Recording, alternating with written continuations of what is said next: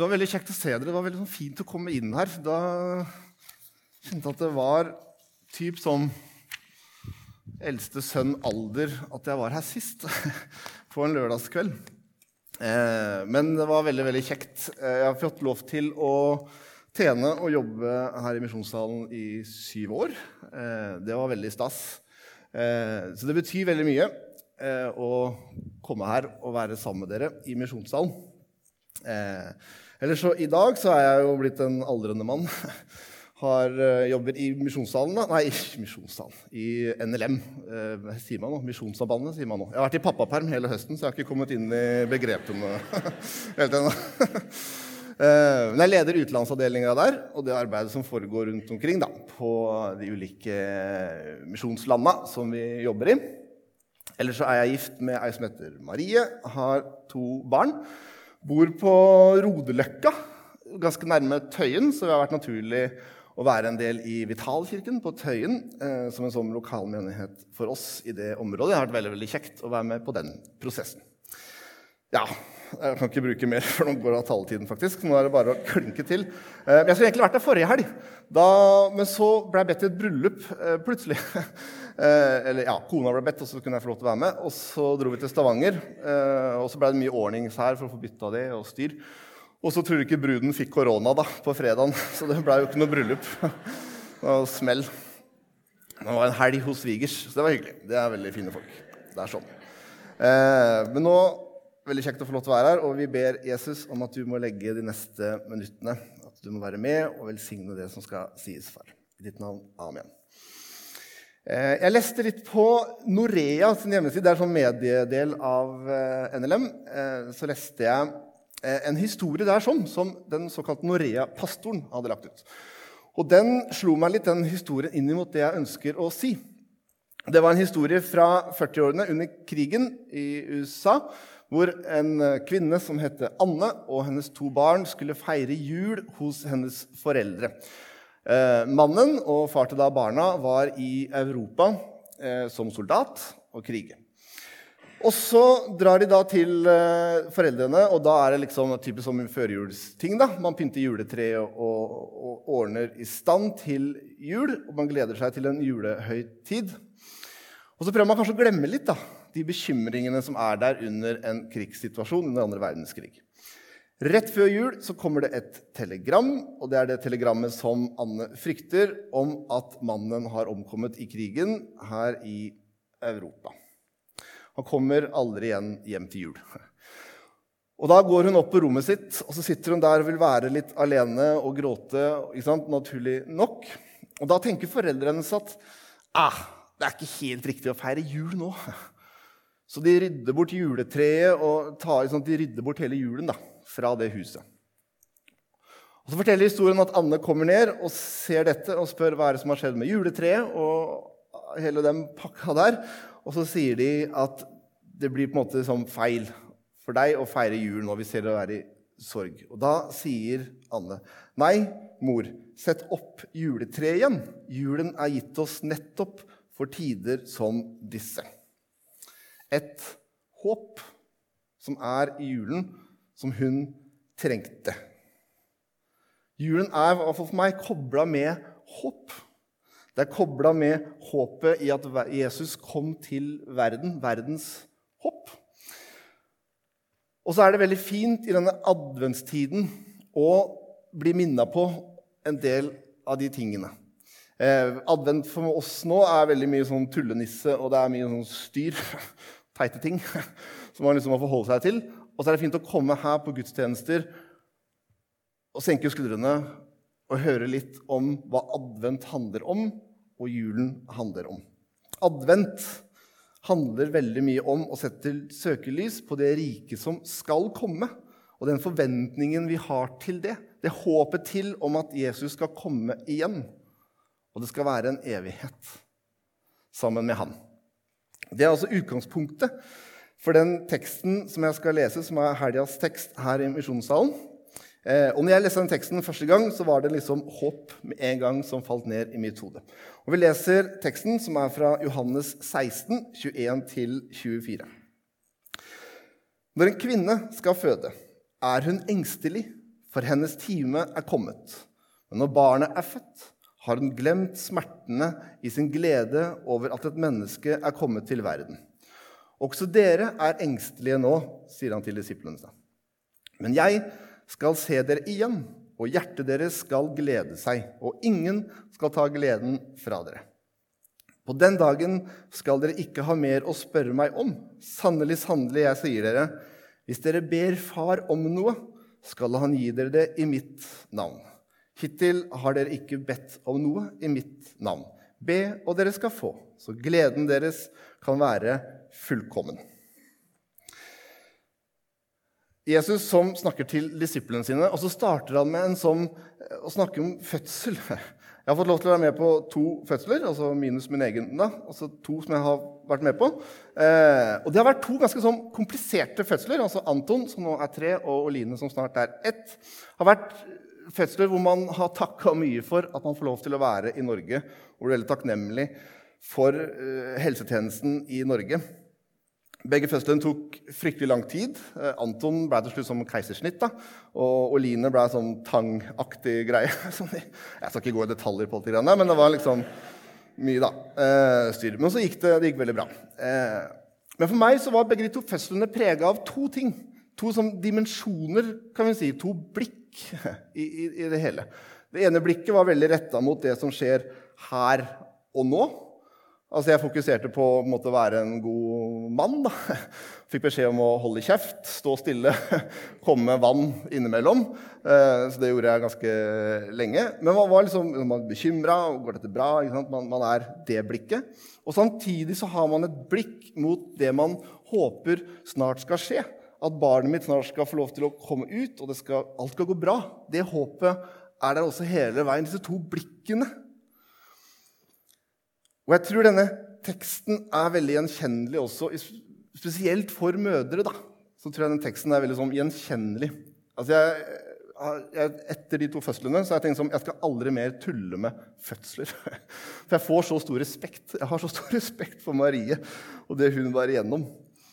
Eh, så jeg tror de veldig sånn godt forstår hva Jesus snakker om når han snakker om dette. Og denne teksten vi leser, har også to sånne blikk.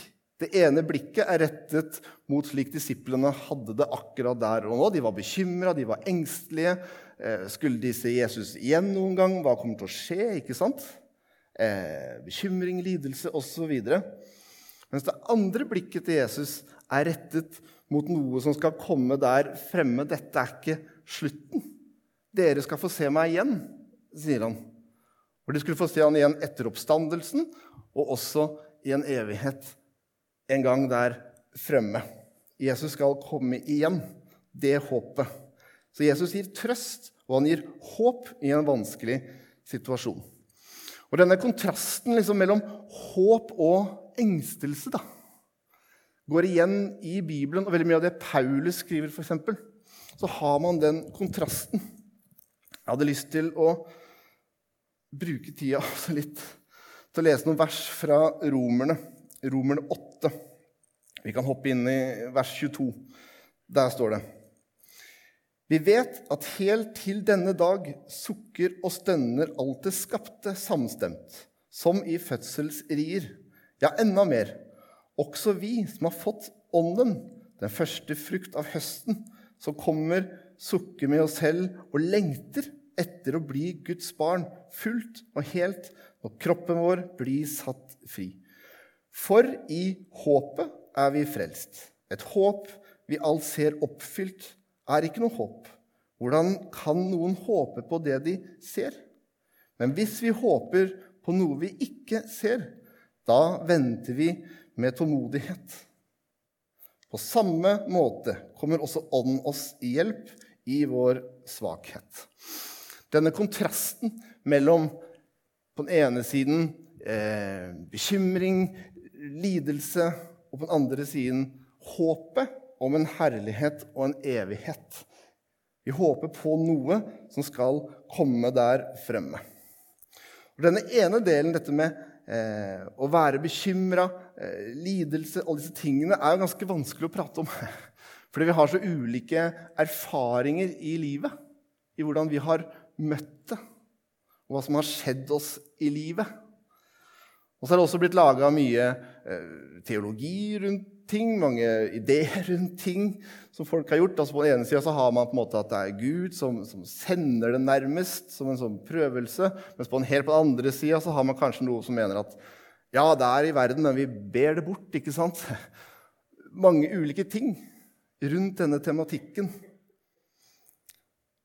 Jeg vil mene og si at lidelse rett og slett er et faktum i vår fallen verden. Og lidelse rammer ikke i et system, men virker ganske så tilfeldig. Man er ikke beskyttet mot sykdom eller naturkatastrofer bare fordi man har nådd et visst åndelig nivå. på en måte, jeg mener? Men det er noe fundamentalt ødelagt i vår verden, og lidelse er en del av denne verdenen. Men så er det håp. Håp om noe bedre. Håp om noe som skal komme. Vi snakker og jobber mye om Etiopia på jobb om dagen. Hvor vi har mange utsendinger, og en del av de er nå i Narobi pga. krigshandlingene i Etiopia. Og Så avventer vi situasjonen, så er de der så lenge. Så håper vi snart å få alle tilbake igjen i Etiopia. Men når vi på jobb snakker og jobber liksom med Etiopia-saken, så blir man jo berørt av hva krig fører til. Og ikke minst hva det fører til for etiopiske folk. da. Altså Det går ut over vårt arbeid, men først og fremst hva det skjer, hva hvordan det berører det etiopiske folk. Med krig, lidelse, smerte, død, sult. Og kanskje er det ikke så lett å se håp i en sånn situasjon. Det er en realitet i vår verden. Og så er det ikke min jobb å mene så mye politisk om Etiopia. Men det er min jobb å rope til Gud om fred, om forsoning. Det er min jobb og vår jobb å rope til Gud om at han skal gi håp i Etiopia. For jeg tror det er håp.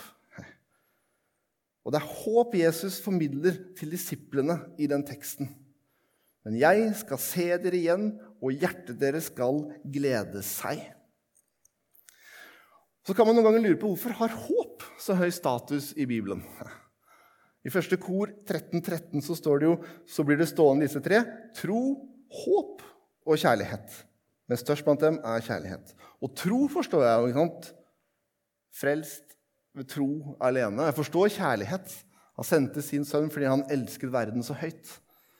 Men håp Hva er det med håp? Jeg tror kanskje det er noe det ikke er. på en måte. Altså, hvis dere hadde kommet til meg etter møtet og spurt som, Er du sikker på at Marie elsker deg? Kona, da. Så jeg svart sånn Jeg håper det. Håper det.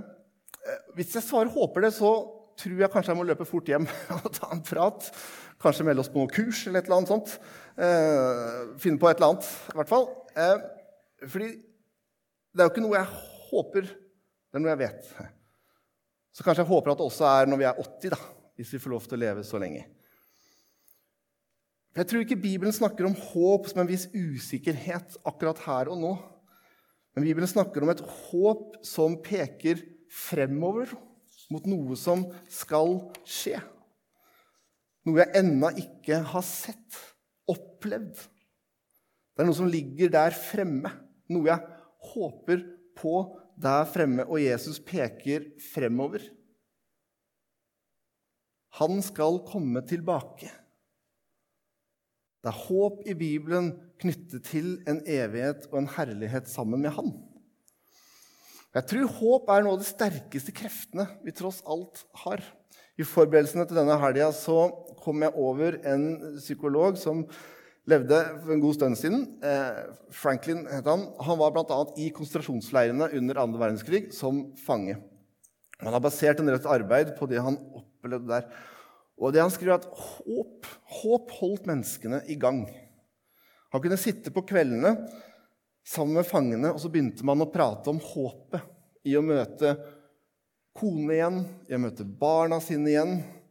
Håp om å spise et godt måltid. Og så kunne man snakke om hva man skulle spise.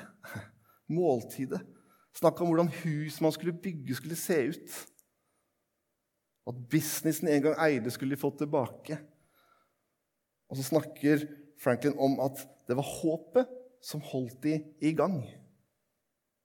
Håp er noe ganske sterkt iboende i oss.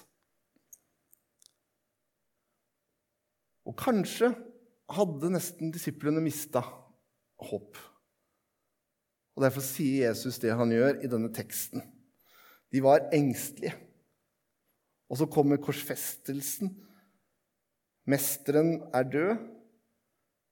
Og de trøstende ordene Jesus har sagt, har de kanskje glemt.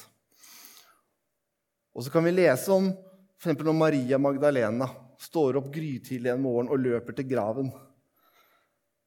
Kanskje hun den dag morgenen var uten håp. Og Så kommer hun til grava, og så er det en tom grav. Og så får hun håp. Det går fra mørke til lys, og hun får håp. Og så løper hun til disiplene og formidler håp til dem. Han har stått opp. Han skal komme. Gitt oss et levende håp ved Jesus Kristus' oppstandelse fra de døde, skriver disippelen Peter. Han så Jesus igjen. Det var det levende håpet. For oss ligger håpet alene hos Gud. Det er hans kjærlighet til oss som er håpet alene, og hans oppstandelse. Eh, det er en historie jeg forteller sikkert altfor ofte, men jeg må fortelle den igjen. Eh, jeg satt på en lederkonferanse med mange av lederne fra Den forfulgte kirke. For en gang lang historie så kort som mulig så kommer det opp en eldre kvinne eh, som deler sitt vitnesbyrd helt på siste samling. Og Så deler hun sitt vitnesbyrd. Eh, og så da forteller hun at hun og mannen hadde planta en kirke i et område med mye forfølgelse. Og mannen hadde blitt drept inne i kirken. Eh, og så var hun da her og delte dette, og så avslutter hun med følgende. Til dere som i morgen reiser hjem til forfølgelse, sier hun til disse pastorene og lederne. En dag vil dere se Guds herlighet. Det er håp. Og Hvis du lurer på hvorfor det er tro, kjærlighet og håp, så har du svaret der. Det er håp. Til den kirken, til de kirkelederne, så var håp. Håp om å en dag se Jesus. Noe så grunnleggende viktig for dem. Jeg håper det også er det for oss. Men jeg skal se dere igjen, sier Jesus. Og hjertet deres skal glede seg, og ingen skal ta gleden fra dere. For noen eh, Rett før korona kom, ja, et par år siden, så dro jeg og en kollega til Midtøsten for å undersøke om vi kunne starte et arbeid der. Så vi kjørte rundt i et land i, i Midtøsten. Eh, et område med få kristne. Veldig, veldig få kristne.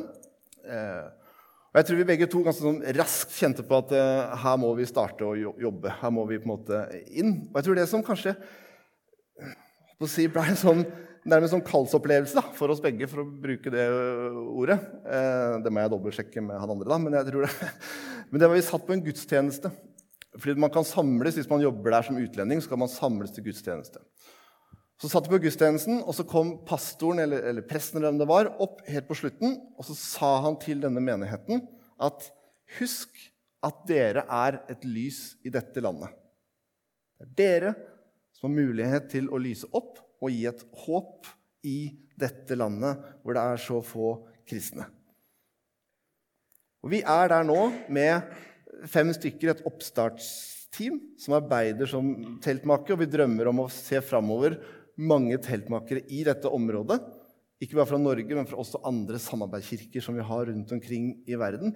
Fordi vi vil være et lys i det landet. Vi vil være med og formidle et håp i det landet. Fordi Bibelen forteller oss at det skal være en fest som alle mennesker er invitert til, alle folkegrupper, stammer og tunger. Og så har vi fått det oppdraget om å invitere til den festen Det er vi som skal dekke det langbordet på denne jord for å invitere til en enda større fest. Og derfor har vi 130 misjonærer akkurat nå rundt omkring i verden. For vi formidler et håp om en dag se Guds herlighet. Jeg følger på klokka. Jeg er stressa nesten. Vi må si litt om bønn, som er på en måte andre del av den teksten. Eh, som også er et blikk på her og nå. Og Om at Jesus har åpnet sin egen bønnekanal til Gud for sine disipler. Og Vi er inne på tematikken, det som en dag skal komme. En evighet og himmel. Et Guds rike der fremme. Så tror jeg at vi også har en smak av det Gudsriket også på denne jord. John Stott, en teolog engelsk, kaller dette 'allerede nå, men enda ikke'. Altså at det er fullkomment der fremme, men vi har det også blant oss nå, som en smak. Altså eksempel at vi, vi, Nå skjønner vi stykkevis, men en dag så skal vi skjønne og se alt. Dagens kirke, menigheter, er ikke perfekte. Langt derifra. Men en dag så skal de bli og være perfekte. ikke sant? Allerede nå, men ennå ikke. Så jeg tror. Jeg tror på helbredelse i dag. Jeg tror på at det er en smak av himmel i dag. Fordi vi har Den hellige ånd i oss og rundt oss. Jeg tror Jesus er til stede. Det er en smak av Guds rike. Og Derfor ber Paulus 22 ganger så ber han i brevene sine. Han ber om at menigheten må få større kjennskap til Gud. Han ber om Jesus sin agenda i deres liv, om å få mer innsikt i håpet, ber han om. Derfor lærer Jesus å be Fader vår få daglig brød. Og Bibelen lærer oss også å be for de syke. Og i bønn så ligger det veldig mye håp. Og så er det også krevende med bønn. Fordi vi kan be for noe, så får vi ikke bønnesvar. Hvorfor blir ikke den frisk? Og hvorfor ble den frisk? Og så er det et av livets mysterier hvor vi bare skjønner stykkevis. Og så det, Jeg har veldig lyst til å understreke sterkt at vi må fortsette å be. Vi må be. Jeg har en jeg har fortalt noen ganger en historie om når jeg var, da var, jeg var som veslevoksenperioden, da, rundt ti år. Og så lå bestefar på sykehuset, og han lå for døden. Eh, og pappa tok med meg og broderen og mamma og dro ned fordi vi skulle si farvel til bestefar den dagen. Eh, og så var jeg sånn veslevoksen type, så jeg gikk fram og så ba jeg en sånn, jeg var ti år cirka, og så ba jeg en sånn kort bønn for, eh, for, for Besse, da, som vi kalte han. Så var det mange andre også som ba for han. Eh, og så dro vi hjem, kjørte hjem, og da tok pappa den der vanskelige praten om at eh, i natt så dør Besse, og, og liksom hele den pakka der. Og Så dro pappa ned igjen til bestefar, og så satt han der og våka på natta. Og når morgenen kom, så våkna Besse. da, Så bare så han bort på pappa og sa ah, 'Kåre, jo, sitter du her?' liksom. Så var han frisk. Og Da sa bestefar at 'jeg har fått ti år til', og han fikk ti år til. Han levde ti år til. Kanskje var det noe svar. Men for meg, for min tro og for vår tro, så var det Gud som gjorde Beste frisk. For jeg tror på en Gud som kan helbrede. Jeg tror på en smak av himmel i dag på denne jord. Jeg tror Gud er her blant oss og kan bryte inn. Og så gir det et håp. Og først og fremst gir det en håp om at det er en evighet uten sykdom, lidelse og død der fremme.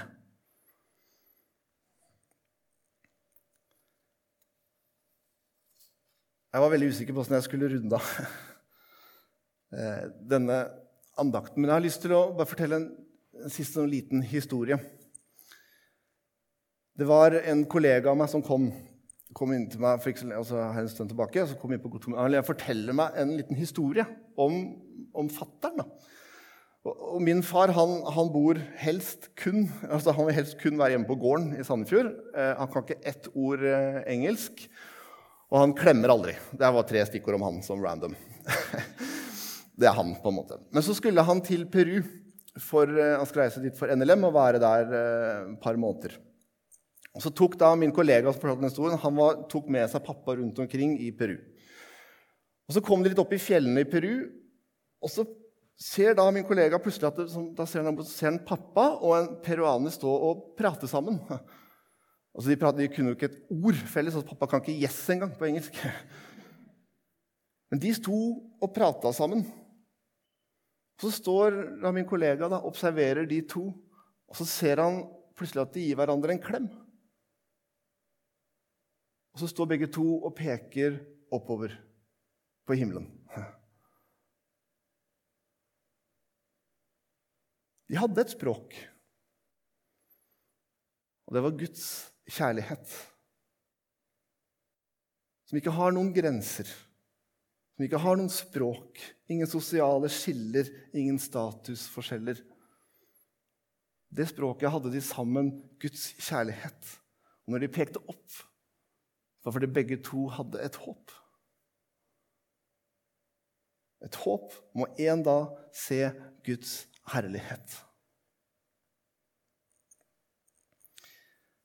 Jeg har lyst til å be en bønn som er henta fra Romerne 15. Må håpets Gud fylle dere med all glede og fred i troen, så dere kan bli rike på håp ved Den hellige ånds kraft. Amen.